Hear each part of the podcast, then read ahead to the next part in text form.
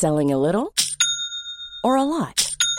Shopify helps you do your thing however you cha-ching. Shopify is the global commerce platform that helps you sell at every stage of your business. From the launch your online shop stage to the first real life store stage, all the way to the did we just hit a million orders stage. Shopify is there to help you grow. Shopify helps you turn browsers into buyers with the internet's best converting checkout.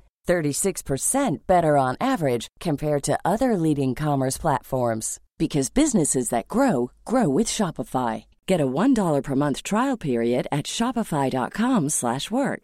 shopify.com/work. I'm Sandra, and I'm just the professional your small business was looking for. But you didn't hire me because you didn't use LinkedIn Jobs. LinkedIn has professionals you can't find anywhere else, including those who aren't actively looking for a new job but might be open to the perfect role, like me. In a given month, over 70% of LinkedIn users don't visit other leading job sites. So if you're not looking on LinkedIn, you'll miss out on great candidates like Sandra. Start hiring professionals like a professional. Post your free job on linkedin.com/people today. Burrow's furniture is built for the way you live. From ensuring easy assembly and disassembly to honoring highly requested new colors for their award-winning seating, they always have their customers in mind. Their modular seating is made out of durable materials to last and grow with you. And with Burrow, you always get fast, free shipping. Get up to 60% off during Burrow's Memorial Day sale at burrow.com slash ACAST. That's burrow.com slash ACAST. burrow.com slash ACAST. Oskar Jensen är född i Lund 1982 och är uppväxt på Gunnesbo. Han har med sina 14 säsonger och 358 matcher placerat sig som en målvaktsikon i Lugi och inräknat spel i HK Malmö och H43 har Oskar vaktat stolparna i högsta serien i 20 år. Och så 10 minuter i allsvenskan med Ove Helsingborg. I det här avsnittet av Lunds stolthet pratar vi om ryggmärgsavslut, spelet i spelet, guldet i USM 1997 och att man aldrig ska säga aldrig för en comeback. Det här är Lunds stolthet.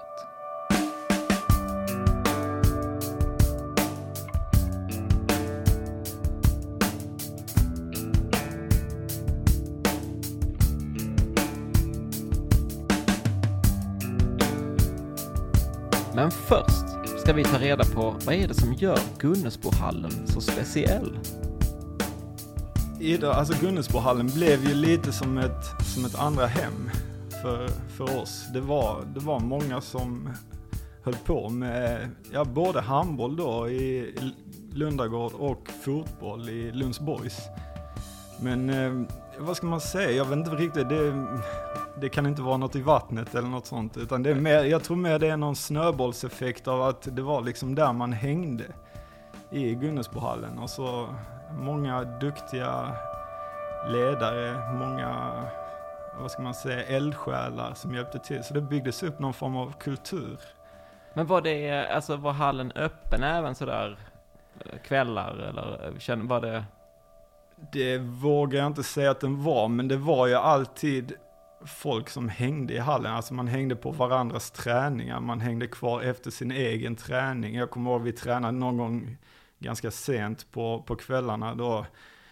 Ja, det var i princip så tränarna fick dra oss ur hallen liksom. De kunde sitta i bastun, ta med sig en lång burk öl liksom, basta, duscha i lugn och ro. Vi höll fortfarande på i hallen och till slut så sa de, nej killar nu, nu, nu måste vi faktiskt gå.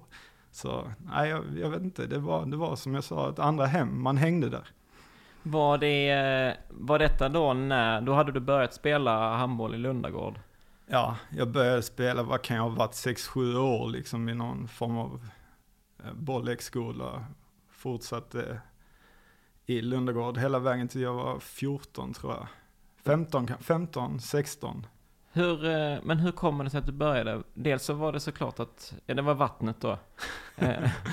Min mamma har spelat handboll i Lugi faktiskt. Hon har spelat i Lugis damlag. Hon blev väl årets spelare 74 eller 76 eller något sånt. Eh, så det finns ju ett eh, idrottsintresse både från mamma och pappa liksom. Eh, jag vet inte om det var just därför, utan det var väl mest att kompisarna spelar, ja då ska man ju spela liksom. Det är, så är det bara.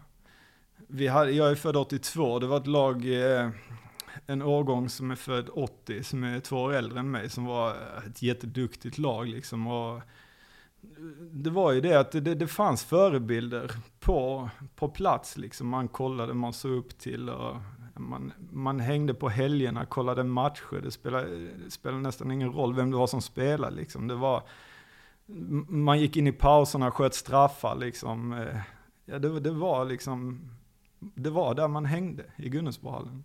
Hur stor upplevde du att världen var, om nu Gunnesbohallen var liksom ditt epicentrum?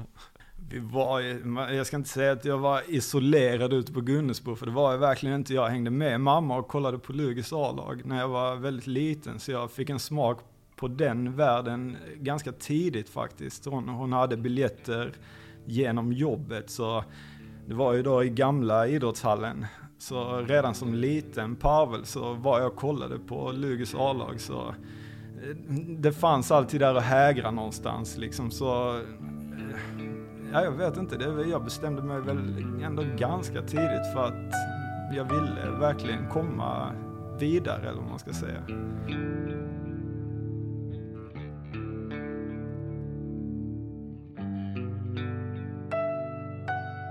Lundagård, eh, då pojkar 82.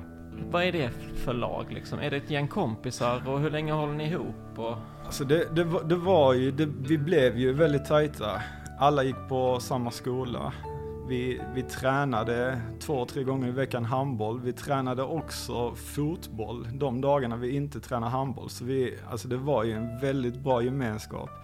Sen också ska jag ge en eloge till våra tränare som vi hade. Vi hade ja, två stycken föräldrar då till en början som eh, det var mer än bara handbollen. Det, var liksom, det kunde vara lite folkbildning med lite quiz och sådana saker också. Så det blev, det blev ett litet mervärde och var en del av det laget. Och sen när vi blev lite äldre så fick vi en, en tränare till som heter Bengt Wollmark som är en gammal spelare.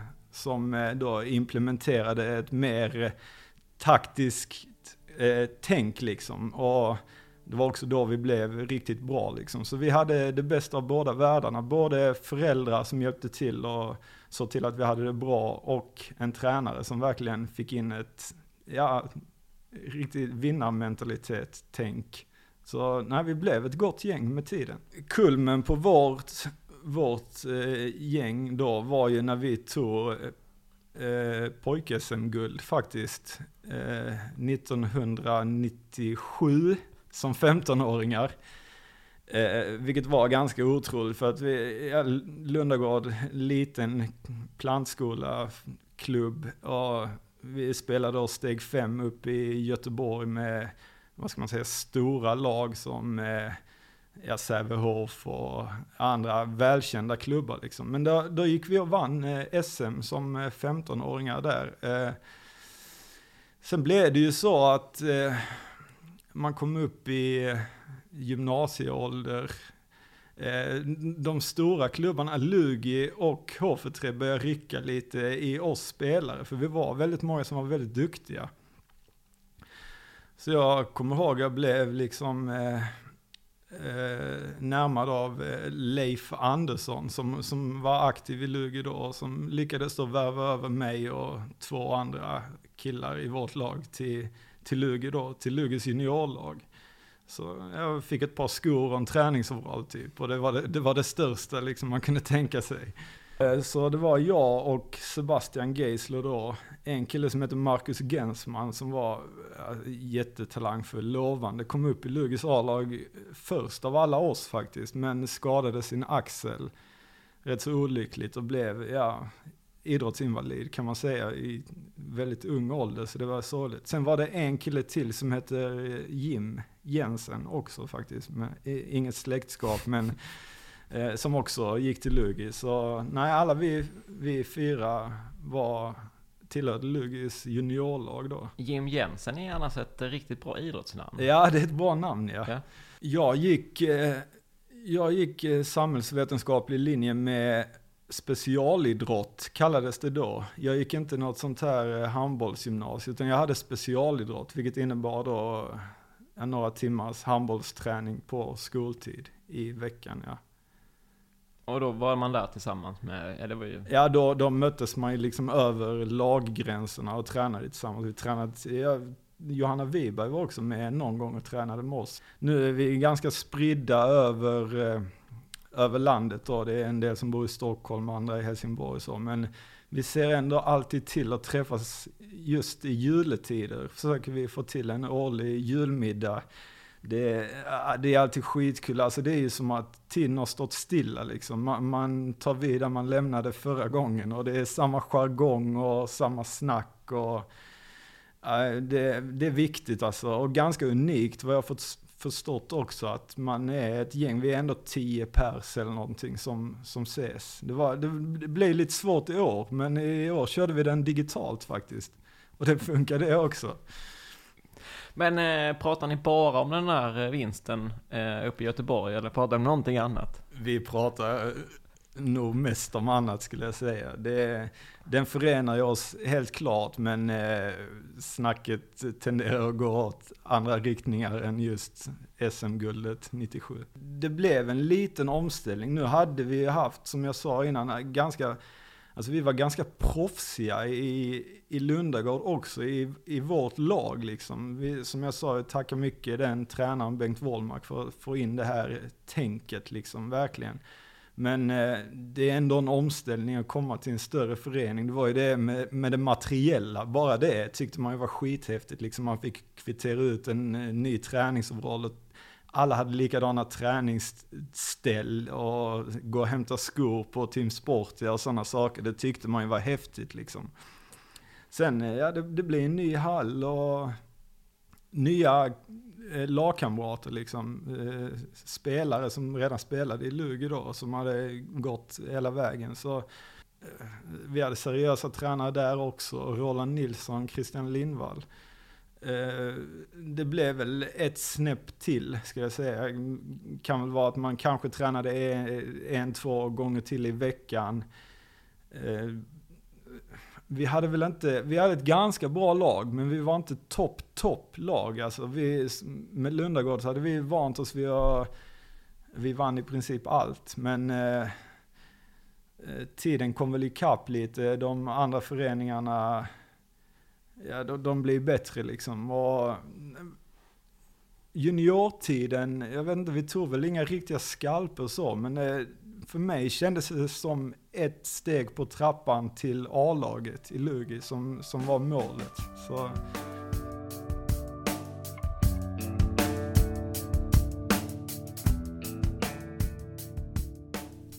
När du började spela, var det målvakt?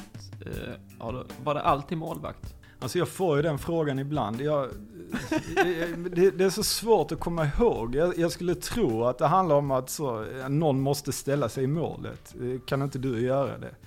Eh, så gjorde jag det. Eh, fick smak för det, blev biten liksom. Märkte att jag hade en fallenhet för det. Och sen har det bara fortsatt. Det är ju, det är nästan en sport i sporten kan man säga. Alltså man, man är ganska utsatt. Det är, en tunn linje mellan himmel och helvete kan man säga. Men eh, jag vet inte, det är någon form av självspjäkande att man, man jag vet inte, jag, jag trivs i, i, den rollen. Jag, det är en jätteviktig roll i ett handbollslag liksom. Alltså en målvakt kan verkligen göra skillnad och jag, jag, vet inte, jag tror att jag alltid har trivts i den rollen. Eh, för man tänker ibland att som handbollsmålvakt finns det nästan ingen förväntan att man ska kunna ta de där bollarna. Alltså det är liksom en... Ja, för så, ja, tänker man så verkligen? Nej, det vet jag inte. Det är nog utifrån i så fall. Ja, jag tänker utifrån alltså. Ja. Som publik så kanske man tänker att ja, men det, det kommer så hårda skott. Så För så känns det inte när man står på planen. Då känner man sig jäkligt utsatt i vissa lägen. Alltså. Då känns man att man har hela stans förväntningar på sina axlar. Liksom. Ibland vill man bara sjunka igenom marken. Men de, de, eh, de högsta förväntningarna ställer man upp sig själv ändå. Alltså. Det, jag, jag, tror inte det finns någon, eh, alltså någon universell formula för vad som utgör en bra målvakt. Det, eh, jag har spelat så länge så jag har sett så många olika typer och alla typer funkar ju så länge man tar bollarna. Så det finns väl inget recept så, utan det jag skulle säga är gemensamt för de allra bästa, det är väl någon form av spelförståelse. Alltså det handlar ju egentligen om att kunna läsa spelet, eh, snabbt eh, tolka de olika situationerna som uppstår och det, det, är nästan lite sannolikhetslära kan jag känna i, i vissa, ja om man kommer i det läget då kan han inte skjuta där. En förståelse för spelet skulle jag nog ändå säga är gemensamt för, för de duktiga målvakterna. Och det, det, det vill jag ändå påstå att jag har, liksom, om jag får klappa mig själv på axeln lite. Att det är väl min styrka att kunna läsa olika situationer. Och... Tror du att du la den grunden där i Gunnesbohallen? Det är, det är också alltid svårt att veta. Liksom, eh, vissa saker kan väl vara, det här med bollkänsla är ju svårt. Alltså, är, det, är det medfött eller är det någonting man lär sig?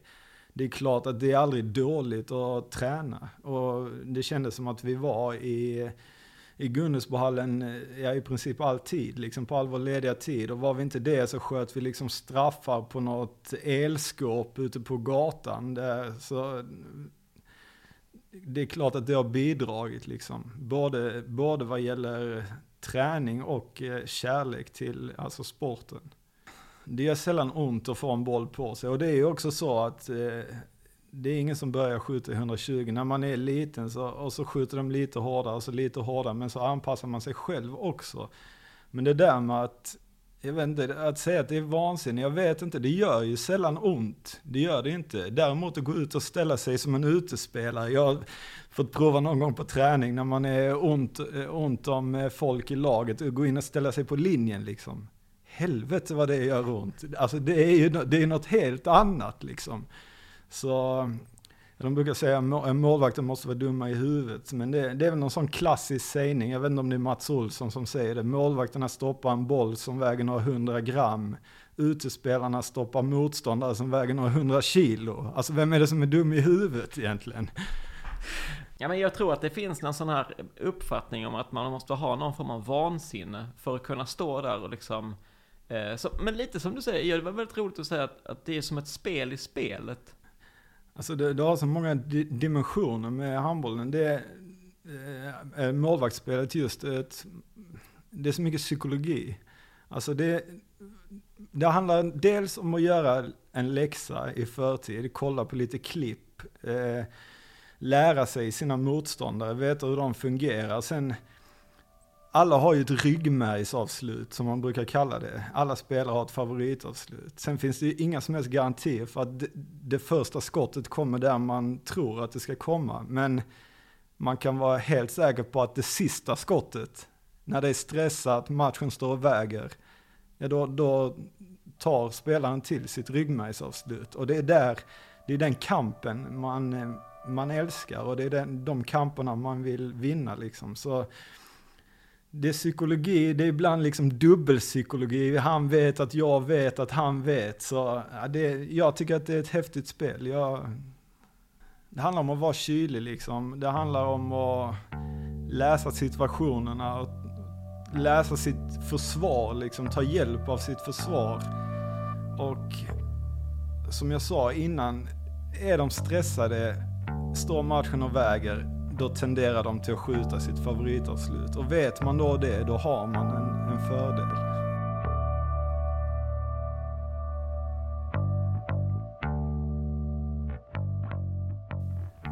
Alltså jag skulle säga att man är helt beroende av sitt försvar, egentligen.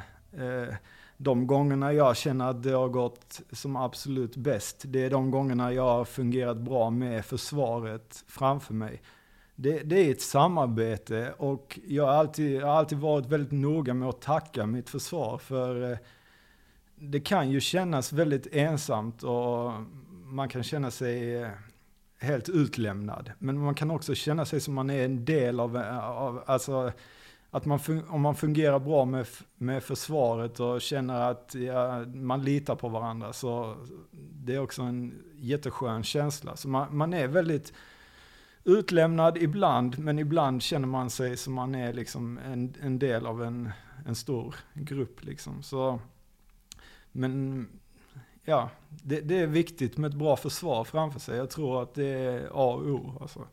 Du har ju spelat med fantastiska försvarsspelare. Ja, det har jag. Eh, vad är nyckeln där? Det finns ju, det finns, man gör ju ofta en uppdelning på förhand att försvararen hjälper till att täcka av delar av målet. Eh, det gör han liksom genom att placera sig rätt och skära av vinklarna kan man säga. Så att man tvingar skytten till att skjuta på, på ett ställe. Och eh, spelare som Jakob Wickman Modig till exempel. Eh, Henrik Dreyer som jag spelade med tidigare.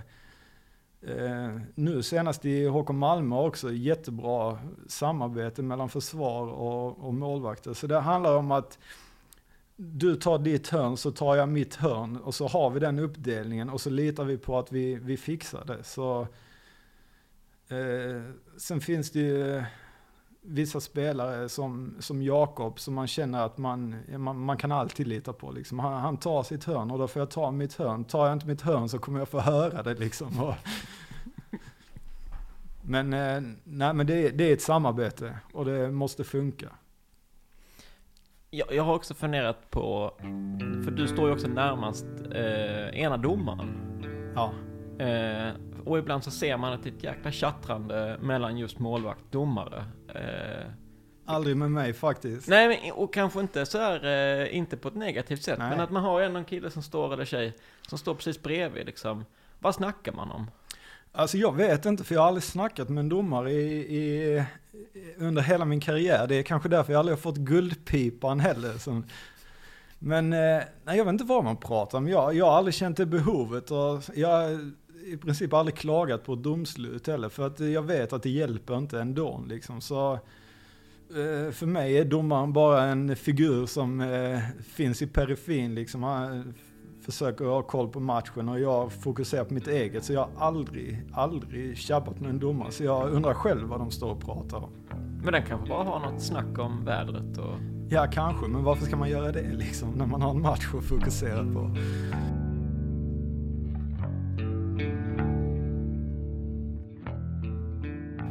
För oss som juniorer hade vi nog inga riktiga superframgångar. Min personliga framgång var ju att jag under mitt andra juniorår då fick börja träna lite lätt med A-laget. Eh, och om Lundagård till Lugis juniorlag var ett stort steg så var ju steget från juniorlaget upp till A-laget ännu större alltså. Men det var ju såklart också skithäftigt att komma upp. Vad, eh, för du gör debut eh, i A-laget eller i, då, i elitserien som 17-åring. Ja, Då är du inte så gammal. nej. Eh, Jag var ju 17 år, men det var nog året jag skulle fylla 18. Jag fyllde väldigt sent på året. Men ja, när jag var 17 år när jag gjorde debut. Och det är ju, ja det är ungt. Alltså, man är knappt torr bakom öronen liksom. Och just som målvakt också, då kan man inte riktigt gömma sig. På något, utan man, det, är- det är ganska utsatt. Men ja, jag gjorde debut som 17-åring. Det var Min, kommer du ihåg det? Eh, vi mötte Alingsås eh, i idrottshallen då, hemmaplan. Eh, jag tror att vi hade säkrat matchen när jag kom in sista tio minuterna eller något sånt. Och räddade faktiskt två av sex bollar, så jag landade väl på 33 procent. Det var jag inte riktigt nöjd med, men eh, det var ju skithäftigt att göra debut. var, du omnämndes i tidningen om det, efter detta ju. Ja, jag, jag vet inte om det var efter denna matchen som jag omnämndes, utan det var nog efter, kanske matchen efter eller någon match efter, där jag spelade lite mer. Och eh, jag gjorde det ganska bra, vad jag minns. Jag kommer, inte, jag kommer inte ihåg matchen, det gör jag inte, men jag kommer ihåg krönikan som skrevs efteråt, där Jan Mårtensson då, saligen avliden krönikör som alltid stod bakom en pelare i idrottshallen och skrev ja, putsfräcka krönikor efter matcherna där han skrev att den unge Jensen med sin trivselvikt kom in och gjorde en passabel imitation av en vägg. Och det fick jag ju höra såklart. Så jag var glad över att vara omnämnt, men inte så glad över det här med trivselvikten. Men det, var, det, det stämde ju. Det var inte... det, var, det var väl lite trivselvikt. Men, men eh, du, du eh, agerade ju vägg där, så att... eh, Ja, det, det gick bra. Alltså, jag spelade ganska mycket tidigt liksom. Och jag delade målvaktssysslan med Fredrik Andersson, heter han då. Eh, ska också ge en eloge till Fredde då, som var eh, min då kollega när jag kom upp i A-laget. För han tog verkligen mig under sina vingar. Alltså, det har ändå följt mig i resten av eh, min karriär, just det att man inte ska se målvaktssysslan eh, som en eh, bitter konkur konkurrenssituation, utan mer som ett eh, kollegialt samarbete kan man säga. Och det, det fick jag redan tidigt från eh, Freddan som inte alls på något sätt var bitter över att här kommer en ung målvakt som är hungrig och vill spela liksom, utan mer hjälpte mig. Så jag är evigt tacksam för, mot honom för det och också någonting jag själv försökt eh, bära med mig i min karriär.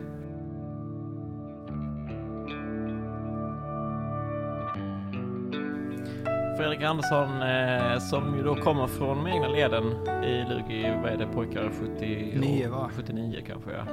Eh, och som då var på plats när du kommer dit. Ja.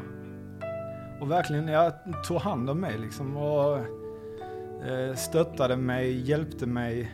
Eh, ja, det, jag, jag, kände aldrig någon, någon sån här missundsamhet eller någonting från hans sida. Även om jag då fick en del speltid ganska tidigt då.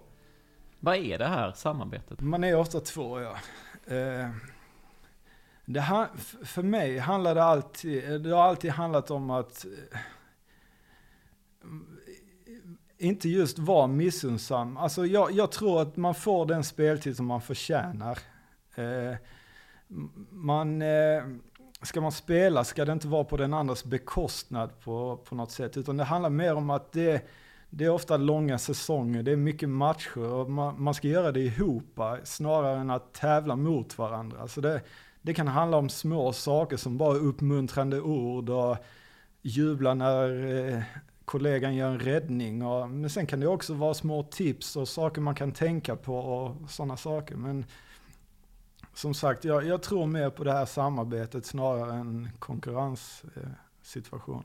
Man ser ju gärna målvakter kliva ut, eh, om man har gjort en räddning eller liksom så här, så kliver man ut till sin kollega, tar det till vatten. Det är som en sekond i boxning. Ja, det blir, det blir nästan det. Lite handduk, lite dricka, ja, så Ja. Vad, är, vad är det man pratar om? Ja, det är små saker. Eh, det kan ju vara bara beröm, det kan vara lite uppmuntrande ord. Eh, kom igen nu, alltså, du tar nästa typ. Och så slappna av, det är ingen fara. Så. Eh, sen kan det också vara rena taktiska grejer. Tänk på det här när han kommer i det läget. Och kanske kan det vara så att han skjuter nästa skott där. Och sådana små saker, bara lite små uppmuntrande ord det, det, finns ju inte utrymme för några större eh, taktiska utlägg liksom. Utan det, det, handlar väl mer om att få, man får lite bekräftelse och... Men det här med att man byter då typ i straff och sådär? Det, det kan ju också vara olika där. I, ibland känner man att man kanske byter ut sig själv, även om man helst inte vill göra det. Det vill man inte göra. Men eh, Eh, man ska ju alltid ha lagets eh, bästa i åtanke och känner man att man inte riktigt är på plats, man kan känna att man har inte riktigt dagen, då, då kan man ju byta ut sig själv, men det gör man i regel inte, utan man spelar till tränaren byter ut den. Så jag tycker att det, det är tränarna som ska sköta de där, eh, där bytena, för det är sällan en målvakt byter ut sig själv. Men hur är det att komma in, alltså om då så att säga din mål, målvaktskollega står och så säger man okej okay, nu går du in och tar den här straffen istället. Det, man är inte helt dunderuppvärmd tänker jag. Eller nej, liksom... det är man ju inte. Uh, nej, det, det, det, är klart det kan vara svårt. Alltså det är också med, med åldern har man märkt att det är svårare att sitta långa stunder på bänken. Men då är det lite eget ansvar hålla igång lite. Man, eh, kör en extra uppvärmning i paus, man kanske vevar igång eh, under timeouter och sådana saker. Så det är lite eget ansvar tycker jag att hålla igång. Men det är klart att det kan vara svårt att, att komma in i slutet av matchen när man har suttit länge. Men det kan också vara en sån situation där man har allt att vinna liksom. Så det kan vara skönt ibland också. Så. Hur mycket, för straffar är ju extremt mycket psykologi tänker jag. Straffar är grymt mycket psykologi. Det är också grymt mycket hemläxa skulle jag säga. För just där så, eh, de allra svåraste är ju de som har en stor repertoar liksom. Där man inte riktigt vet vad som ska komma. Men eh, sen så finns det spelare som har eh, ett, två favoritavslut liksom. Så det är mycket psykologi men det är också mycket förkunskaper. Jag såg nu eh Claes Hellgren sitter ju liksom och berättar, men han, hon kommer skjuta här, ja. eh, hon skjuter alltid uppe ja. i vänstra hörnet. Eh, sen hinner då kanske inte målvakten dit Nej, det gör man inte. Det är, det är många gånger man vet var den ska komma men inte tar den ändå liksom. Så. Hur förbannad blir man då? Ja men då blir man ju förbannad men eh, då får man ju bara se det som att utförandet var liksom för bra helt enkelt. När jag kom upp i A-laget så var det ju Fredrik Andersson som var min kollega då. Eh, spelare och så i övrigt, är, det är så himla svårt att komma ihåg. För det, det var ju så många år så eh, det blandar ihop sig liksom. Men eh, vi hade ju ett bra lag som var en mix av äldre, lite etablerade spelare och också vi yngre som kom upp. Och det var inte lätt alltså komma upp i A-laget. Även om jag hade det ganska bra så hade jag kompisar, Marcus Gensman som jag nämnde innan och Sebastian Geisler som hade det tuffare. Alltså, det känns som att det var ett lite annat klimat än vad det kanske är idag. Det, det var inte lätt att som ung komma upp med och försöka ta för sig. De, de eh, agerar ju ute på plan också. Då är det ju lättare att få lite tjuvnyp och lite smällar och bli lite tilltryckt och, och grejer. Jag hade faktiskt Sebastian, han var han var förtvivlad efter en träning för han hade en spelare som han konkurrerade mot som tryckte till honom något så in i. Alltså, så, ja, det var faktiskt så att han grät när vi cyklade hem från, från en träning där. Jag, jag minns det starkt liksom. Så, lite annat klimat var det, lite tuffare och jag har nog haft tur liksom. Men där, för där hittade du också, ja men Fredrik blir din, om man får säga, mentor. Men eh, nej, vi, vi hade ganska många år tillsammans och jag lärde känna varandra och kompletterade varandra ganska bra också. Eh, lite olika stilar. Han är ganska explosiv, eh, så vältränad, snabb. Och jag lite mer lugn med trivselvikt.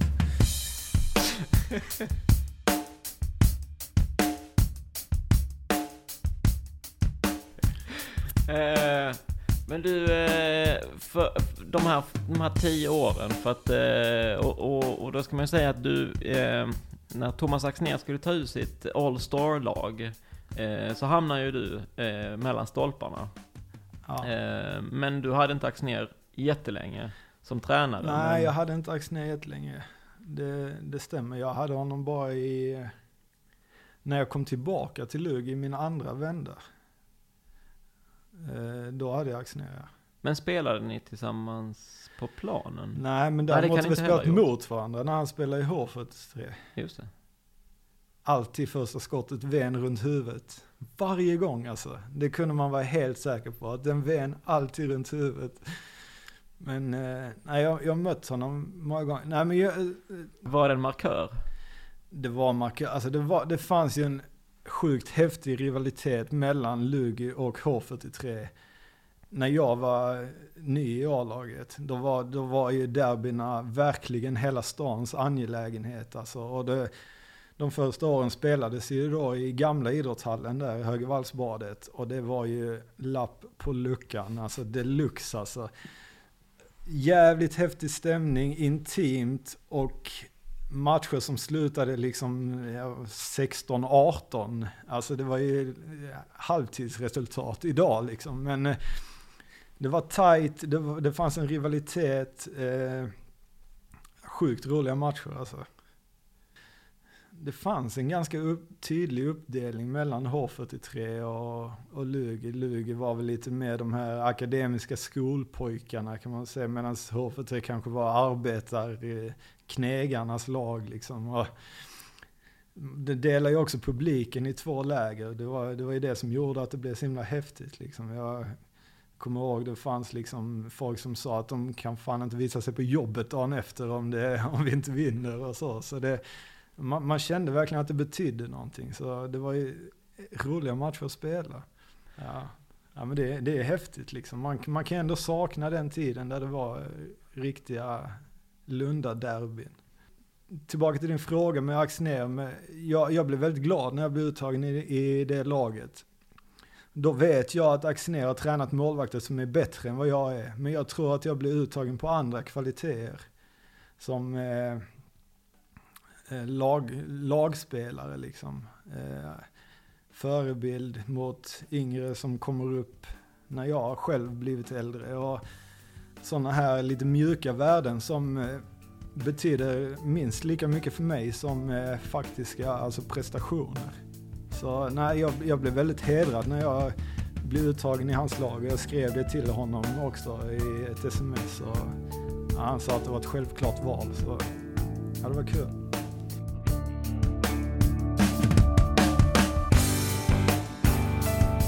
Jag kom med i eh, J-landslaget då ganska tidigt då efter vi hade vunnit SM-guld. Det var ju allt det här med eh, vad heter det, riksläger och allt det uttagningar som sker. Och vi var ett gäng då från Lundagård som blev eh, kallade till de här uttagningarna. Och, eh, fyra stycken tror jag som gick ganska långt. Vi var fyra stycken från mitt lag på, i Lundagård som nådde landslaget. Vilket är helt, helt sjukt egentligen om man tänker efter. Det var ju då jag och eh, Sebastian Geisler, Marcus Gensman och Olof Ask som eh, då när vi bröts upp gick till H43 när vi gick till Lugi. Men fyra stycken spelare.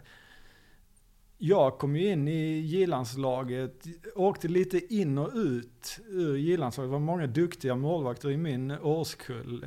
Anders Persson som spelar i Ystad. Rickard Kapelin som eh, haft en fin karriär också. Men eh, var med en del i J-landslaget, men det kulminerade verkligen när jag blev uttagen i U21-landslaget och då fick åka med till eh, Brasilien som tredje målvakt kan man faktiskt säga. För eh, tränarna valde att ta ut tre målvakter och åka med på bekostnad av en utespelare då. Och det, det blev jag ju såklart skitglad över. Men jag var ganska införstådd med att jag var där som tredje målvakt. Så det blev två veckors semester i Brasilien. Lite träning på förmiddagarna men en skithäftig upplevelse, helt klart. Och sen hade ju vi ett så grymt lag så vi, vi tog guld också. Men du spelade? Jag spelade en match. En betydelselös gruppspelsmatch. Sista matchen i gruppspelet. Det var ju klart roligt liksom. Jag, jag, jag kände mig inte super eh, alltså bidragande i just den sportsliga delen men eh, det var, ju, det var ju helt klart en upplevelse att vara med. Vem var, eh, vilken gruppspel, vem, vem mötte ni? Kroatien. Och hur gick det?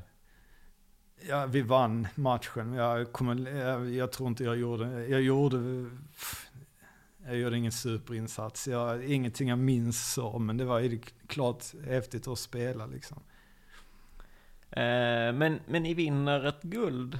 Eh, men du får bidra på andra sätt tänker jag. Ja, ja, så är det ju. Man är ju ett lag liksom. Man bidrar på, alla, alla har en roll i ett lag. Eh, jag satt inte och tjurade över att jag inte spelade, utan det, jag var bara alltså, väldigt glad över att vara med. Eh, njöt av varenda tillfälle liksom. Vet, lite fjäder i hatten är det ju ändå att varit med och vunnit eh, ett VM-guld liksom. Det, det var ganska stort. Jag kommer ihåg att den matchen sändes på TV4 Sport på någon skakig lina där från Brasilien. Så det var ju ändå en eh, angelägenhet i handbollssverige, även om det kanske är en ganska liten eh, krets så. Men eh, man var ju såklart väldigt stolt. Alltså jag var ju stolt över att ha varit med. Jag tyckte det var en skithäftig upplevelse. Och jag tror att de andra grabbarna i laget också liksom gratulerade och tyckte att det var rätt fett att man hade vunnit VM-guld.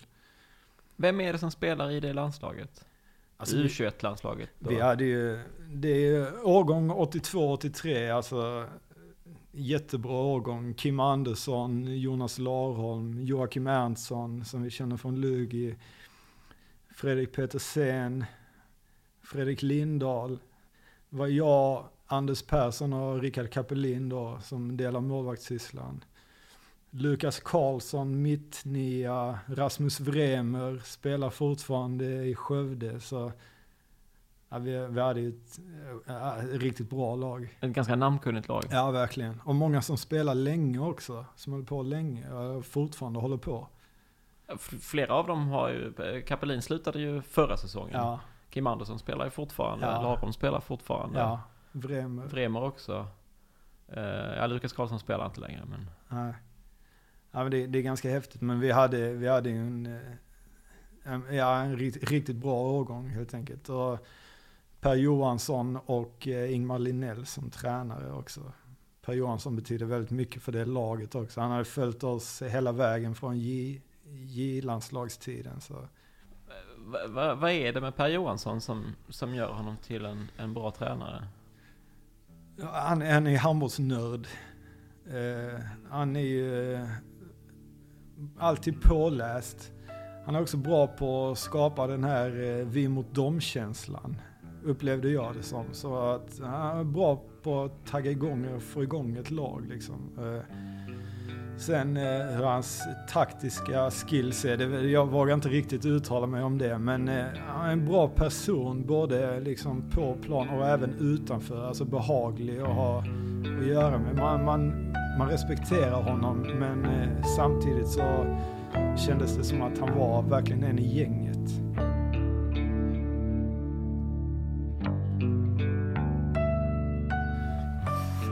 Det är alltid svårt det där med målvaktsträning för det jag kan känna är att ibland, ibland eh, svär sig tränarna fri från det och säger att eh, jag, jag löser inte riktigt den biten. Ni, ni får fixa det själv, lite så. Ibland konsulterar man hjälp utifrån. Eh, då blir det ofta att det inte blir så bra uppföljning på det. Det kan vara någon som kommer dit någon gång lite då och då. Och, eh, det är svårt med magsträning för att det, det, handlar, det handlar om resurser tror jag i, i klubbarna. Det är klart att varje klubb skulle önska att de hade en dedikerad målvaktstränare som alltid fanns där. Eh, så är inte riktigt verkligheten. Även om jag kan tycka att det kanske borde läggas lite resurser på det. Så jag kan inte minnas om det är någon tränare som lagt extra. Det, det är svårt. Jag har väl aldrig riktigt haft någon riktigt eh, kontinuerlig bra målvaktsträning själv. Alltså. Men det är för det är ganska få målvakter som sen blir tränare. Ja. Så är det kanske. Men det, är, det hänger väl lite ihop med det jag sa tidigare. Att en målvakt, han, han spelar lite sport. En sport i sporten liksom. Det är lite en egen sport kan jag känna ibland. Jag vet ju själv när vi sitter på taktiska genomgångar och de pratar om spelval och sånt. Det går ju in i ett öra och ut genom det andra. Alltså jag kan knappt redogöra för, för ett enda spel liksom. För jag har så mycket annat att tänka på eh, och fokusera på. Och då, eh, det känns som att det finns bara plats för en viss del information och vissa saker måste man sålla bort. Så när det kommer till taktiska drag och spelval och sånt så är jag, jag är helt lost.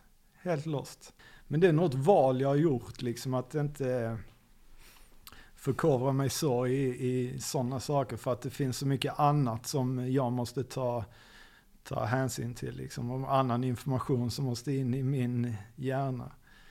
Vi skulle kunna göra en special där du står och kommenterar bara målvaktsspel istället. Ja, det skulle man kunna göra. Är Frågan är hur roligt det hade varit att lyssna på. Ja, men det är som Claes Hellgren. Ja, typ. Det är som Claes Hellgren. Ja. Han har ju verkligen fått upp fokus på Ja. Ja, målvaktstalang. det har han. Eh, har du haft honom som tränare? någon Nej, gång? faktiskt aldrig haft någonting med Claes Hellgren att göra. Eh, vilket är lite synd. Jag gillar Claes Hellgren jättemycket. Jag tycker om att lyssna på honom och jag tycker ofta han har rätt i sina resonemang. Liksom. Men eh, aldrig haft med honom att göra på, på något sätt. Och inte Mats Olsson heller? Mats Olsson träffade vi någon gång som när jag var ganska ny i Lugis A-lag. Men eh, samma där, eh, han kom ner och gjorde ett gästspel, vilket såklart är motiverande. Det är en gammal eh, idol till mig, Mats Olsson. Eh, eh, men eh, inte något, någon uppföljning eller någon kontinuerlig träning så. han är målvaktstränare för herrlandslaget. Och sen så är han för Norges damer tror jag. Ja, det stämmer nog ja. Eh, så han, han bidrar ju fortfarande stort eh, till, till detta. Eh, Han sitter ju på en enorm kunskap liksom har haft en superkarriär själv. Så det, det är klart att det är bra om han kan eh, då skicka vidare de kunskaperna han har. Det, jag vet inte. Men hur, hur är det med men dina egna kunskaper? För du har ju en jättelång Ja. Eh, och som du säger, du har ju spelet och spelet, men spelet i spelet i dig. Ja. Har, har du funderat på liksom att träna andra? Ja, så här, jag, får, jag får ganska mycket propåer och frågor. Men kan inte du komma ner och köra lite målvaktsträning här? Kan du inte komma ner och köra lite målvaktsträning? Men då, det, jag tycker det är svårt. För dels så är det svårt att sålla liksom vem man ska tacka ja till och vem man kanske inte. Och jag har inte tid att göra till alla möjliga, i alla möjliga föreningar heller. Liksom. Så jag har konsekvent sagt nej till eh, sådana förfrågningar. Jag känner lite att jag vill, jag skulle vilja ha någon form av eh, beröringspunkt till laget jag hjälper. Kanske om det är eh, ja, någon jag känner, om det är någon polare som tränare eller om det är någon, eh, något av mina framtida barn eller några sådana saker. Så, och det är just det där att jag vill inte heller committa mig om jag känner att jag inte kan göra det fullt ut. För då blir det bara eh, upphackat liksom. Det blir ingen uppföljning. Och det är min egen erfarenhet att ja, det kommer ner någon och ska ge lite sköna tips och sen så ser man inte röken av den. Så skulle jag göra det så skulle jag verkligen liksom committa mig fullt ut till det. Och då vill, det vara gärna, då vill jag gärna att det ska vara ett lag som jag brinner för och känner att jag har någon beröringspunkt i. Jag blev helt enkelt kontaktad och värvad av HK Malmö. De hade ju det här projektet på gång då. Vision 2013 kallade de det då. Jag vet inte när Malmö startade upp 2007 kanske, något sånt. Så det är som du säger en ung förening. Men verkligen eh, eh, ville saker och satsade och ville bygga någonting. Och jag blev då kontaktad av eh, HK Malmö och kände att det kanske kan vara nyttigt för mig med ett miljöombyte. Jag hade ju varit i tio år i samma klubb och kände att om jag kanske ska ta några extra sportsliga steg liksom, så, så, så kanske jag bör byta miljö. Så nej, de, de lockade med, med den här satsningen och jag hoppade på. Det var inte träningsoverall och skor? Nej, i det fallet var det inte det. Eh, kanske lite större lönekuvert i och för sig, men eh, det var just det här eh, miljöombytet jag kände att det kan vara nyttigt. Det, var en ung, det är en ung förening där det är många eldsjälar och att de verkligen vill liksom. Och känslan var ju också att vi tog steg hela tiden. Eh, och eh, Malmö, HK Malmö som det ser ut idag är ju helt klart en SM-finalkandidat liksom. Så de har tagit små steg hela vägen. Det har varit riktigt kul att vara med på, på den resan och jag ångrar inte alls eh, flytten till Malmö. Jag hade tre riktigt bra år där. Eh, gjorde ju comeback i Malmö nu eh, förra säsongen. Eh, efter lite paus då, men eh, hade ett skitbra år då också. Så Malmö är en förening som hela tiden växer. Det är många som brinner för det i föreningen. Ja, det, det, jag tycker det är ett häftigt lag.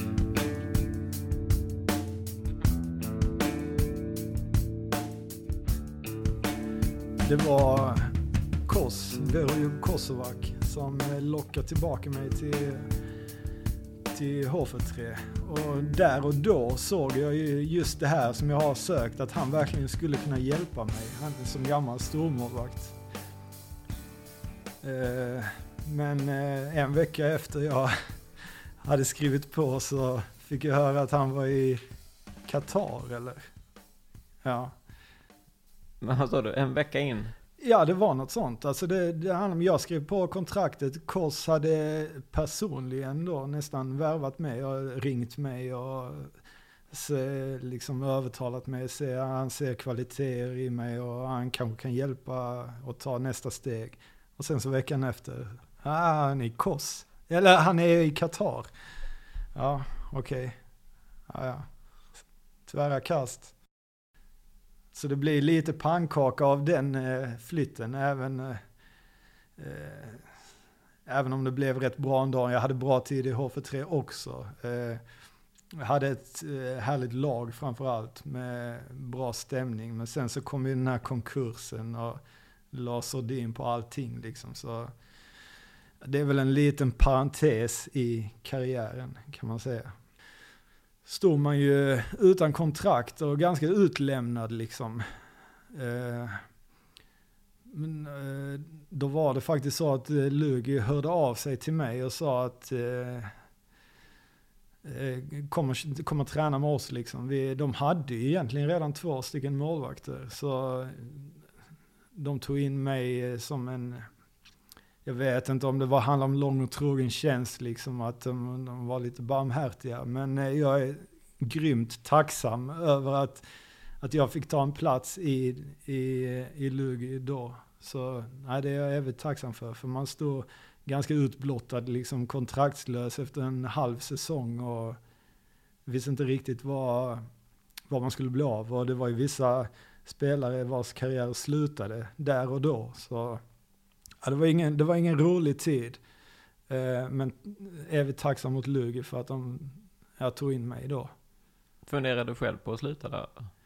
Nej, jag kände mig inte riktigt klar där. Jag ville inte att det skulle sluta så liksom. Man vill ju alltid sluta på eh, när man själv bestämmer liksom. Så jag, jag kommer ihåg att det var en ganska jobbig tid. Jag var till och med nere på vad heter det, Arbetsförmedlingen och stämplade in som arbetslös. Liksom. Och, det, var, det, var, en tråkig tid, men det gick inte många veckor innan Lugi hörde av sig. Så ja, det, var, det var ju såklart skönt att eh, man, man, man fick en ny, en ny plats och en ny eh, samhörighet. Liksom. Det fanns väl egentligen inte riktigt plats för mig när jag anlände. Men eh, säsongen efter så fick jag en ordinarie. Ja. För du, du är ju liksom lite grann någon form av, eh, eh, du har ju liksom varit hela, hela sydvästra Skåne. Eh, inte riktigt, men eh, ja. HK Malmö, H43 Lugi och så Ove Helsingborg. Ja, precis. Eh, under en period. Men du har liksom aldrig varit över på östra sidan och spelat? Nej. Har det, det har aldrig varit ett alternativ eller? Nej, alltså jag vet inte, det här med Ove Helsingborg, det var ju också, då hade jag ju lagt av. Då var det en gammal polare till mig, som jag nämnt innan, Olof Ask, eh, som eh, satt i sportgruppen där i Ove Helsingborg. Och de spelar ju i allsvenskan, hade lite målvaktsbekymmer och han eh, han konsulterade mig liksom och ringde och sa kan du inte komma hit och hjälpa till i sluttampen av, av säsongen? Jag, så jag var tveksam liksom, nej jag känner att jag är klar liksom. Men eh, han lyckades övertala mig och jag gjorde det lite som en tjänst åt honom. Eller det, det hjälpte ju att eh, vi var goda vänner. Men eh, också jäkligt roligt att vara med och ta upp ett lag från eh, allsvenskan då upp i handbollsligan. Så det var, det var en kort eh, period, jag spelade inte så mycket. Jag var mer med som ett stöd åt den andra målvakten. Men eh, häftigt såklart att de eh, lyckades avancera upp och kul att vara en del av det. Vem var målvakt där då? Eh, Mikael Andersson heter som han, som står fortfarande nu. står ja. De hade väl inte någon riktig backup kände de. Och de ville väl få in en eh, trygghet. Jag vet inte eh, om det var så att han eh, kanske hade svajat lite och behövde någon att byta med. Men så fort jag kom och satte mig på bänken så gjorde han ju sina bästa matcher någonsin liksom. Så det bidrar väl till en viss trygghet. Men det blev i princip ingen speltid för mig. Jag var inne och spelade i 5-10 minuter någon match. Men han var ju hur grym som helst under den tiden jag var där. Så ja. Ja, men det var kanske det han behövde där. Ja, det var kanske det. kollegiala. Det. Ja, men det är väl det. det. Ibland är det bara sådana små saker, att man känner att man har någon som har ens rygg liksom och kan avlasta en vid, vid behov.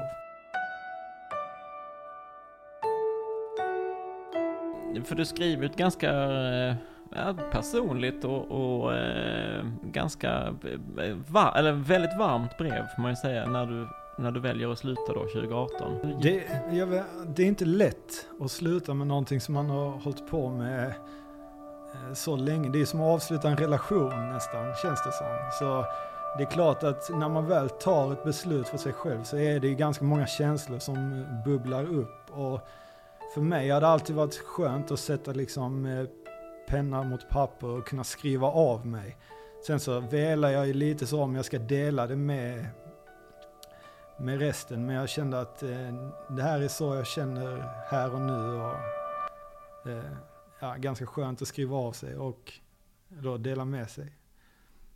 Du har ju gjort eh, ett avslut, gjort en comeback. Ja, Eh, det finns inte fler comebacker på, på väg. jag vågar inte säga någonting. Jag vågar inte säga. Det är nu, jag, jag, jag har ju som sagt känt mig klar just med det här, det sportsliga. Det, det jag kan sakna det är den här känslan av samhörighet, känslan av att ha liksom en mening och någonting, eh, en gemenskap och blicka fram emot eh, alltså mål, måls, målsättningar och sådana saker.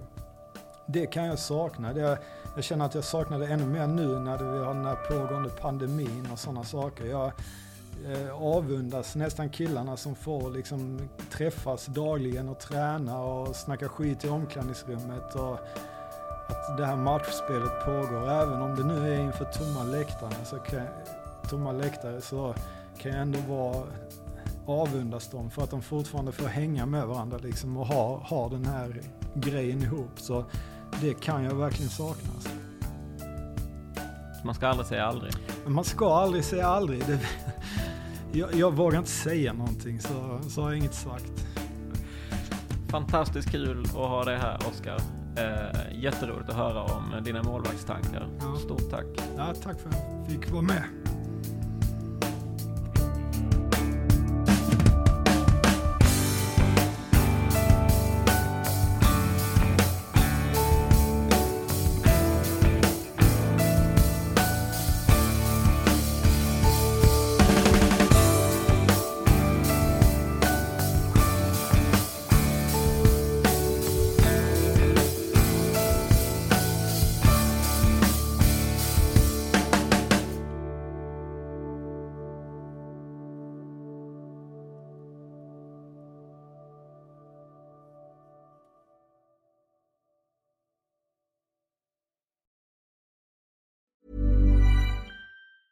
A lot can happen in three years, like a chatbot may be your new best friend. But what won't change? Needing health insurance. United Healthcare Tri Term Medical Plans, underwritten by Golden Rule Insurance Company, offer flexible, budget friendly coverage that lasts nearly three years in some states. Learn more at uh1.com.